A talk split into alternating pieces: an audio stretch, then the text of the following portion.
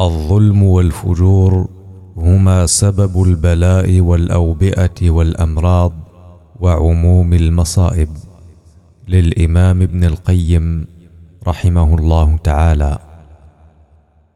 قال ابن القيم رحمه الله تعالى ومن له معرفة بأحوال العالم ومبدئه يعرف أن جميع فساده في جوه ونباته وحيوانه وأحوال أهله حادث بعد خلقه بأسباب اقتضت حدوثه. ولم تزل أعمال بني آدم ومخالفتهم للرسل تحدث لهم من الفساد العام والخاص ما يجلب عليهم من الآلام والأمراض والأسقام والطواعين والقحوط والجدوب وسلب بركات الأرض وثمارها ونباتها وسلب منافعها أو نقصانها أمورا متتابعة يتلو بعضها بعضا. فإن لم يتسع علمك لهذا فاكتف بقوله سبحانه ظهر الفساد في البر والبحر بما كسبت أيدي الناس. ونزل هذه الآية على أحوال العالم وطابق بين الواقع وبينها. وأنت ترى كيف تحدث الآفات والعلل كل وقت في الثمار والزرع والحيوان.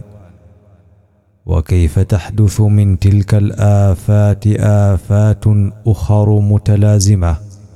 بعضها آخذ برقاب بعض.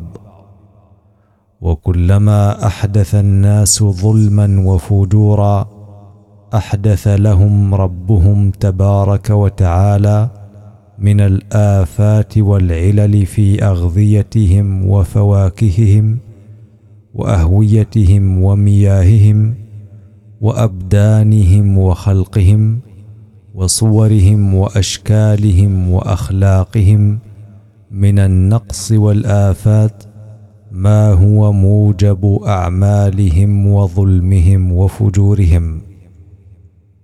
وأكثر هذه الآفات والأمراض العامة بقية عذاب عذبت به الأمم السالفة.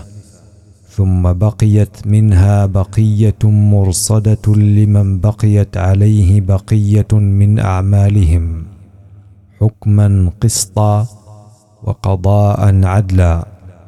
وقد أشار النبي صلى الله عليه وسلم إلى هذا بقوله في الطاعون إنه بقية رجز أو عذاب أرسل على بني إسرائيل. وكذلك سلط الله سبحانه الريح على قوم عاد سبع ليال وثمانية أيام ثم أبقى في العالم منها بقية في تلك الأيام أو في نظيرها عظة وعبرة. وقد جعل الله سبحانه أعمال البر والفجور مقتضيات لآثارها في هذا العالم اقتضاء لا بد منه. فجعل منع الإحسان والزكاة والصدقة سببا لمنع الغيث من السماء والقحط والجدب.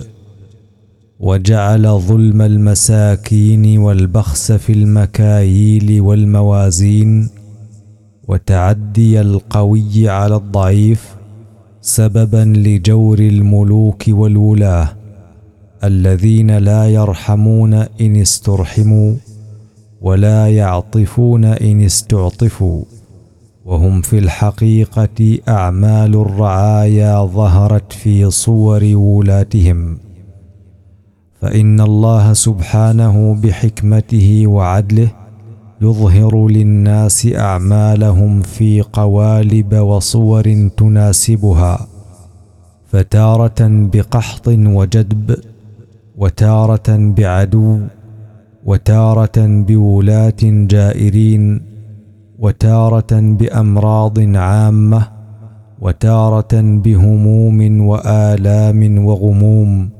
تحضرها نفوسهم لا ينفكون عنها. وتارة بمنع بركات السماء والأرض عنهم وتارة بتسليط الشياطين عليهم تؤزهم إلى أسباب العذاب أزا لتحق عليهم الكلمة وليصير كل منهم إلى ما خلق له.